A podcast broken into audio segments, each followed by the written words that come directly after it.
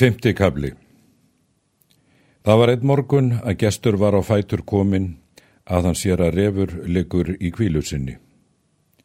Gestur tekur á honum og mælti. Lengi sefur þú nú frændi, er nú ger selabáturinn?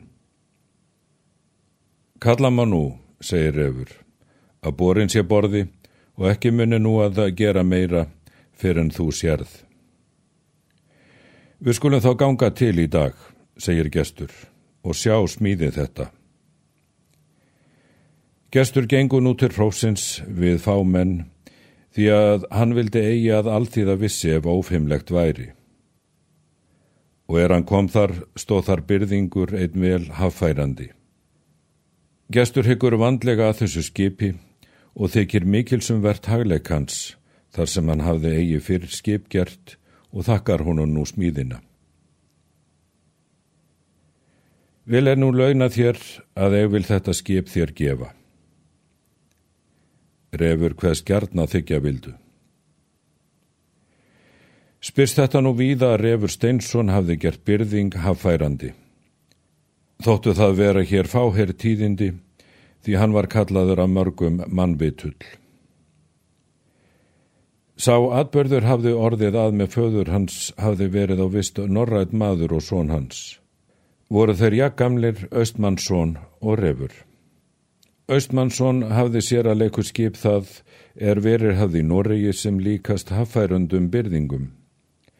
En áður Östmannsson færi á brott gaf hann ref skip þetta og það hafði refur haft til skemmtanar sér í eldaskálanum að smíða þar eftir.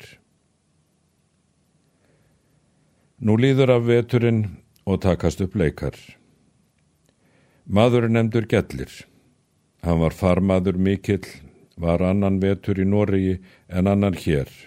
Háaða maður mikill og hjælt mjög til gleði. Móður hans bjó skamt burt þaðan þar sem hétt hlýð.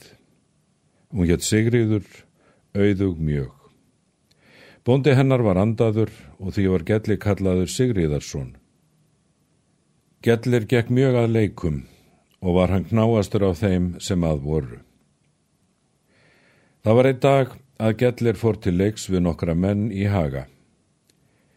Gellir spurði ef Refur vildi fara með honum.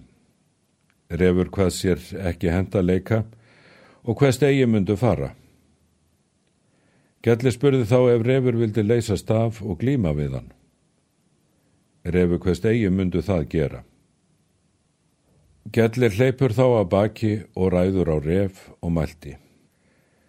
Heyr endi mig að þú segist ekki glíma ef ég vildi. Skaltu nú glíma nöyðigur þóttu vilji reyji. Hann leitar á marga vega að fella ref og færi í feldan hann. Refur forðast meðan gellir sækir sem mest. En er gellir linar sókninni, tekur refur undir bróklinda haldið gelli annari hendi, en annari ímilli herðana og skýtur honum á klakan stund þá frá sér. Koma niður á gelli olbogarnir og springur hvort tveggi, en enni hans blánar. Hann spratt upp skjótt og hljóp á bak og tekur upp spjót og reyður upp spjótsalan og lístur til refs. Kemur það á herðarhónum og hrítur af upp og kom í höfuðið. Varð honum ekki ílt við. Kellir hleypur á braut og förunautar hans og hælast mjög. Kallast Gellir hafa losti ref tvö högg mikil og reyðir þetta víða og segir ref eigi munu hefna. Refur let sem hann vissi eigi. Gestur hafði eigi verið heima.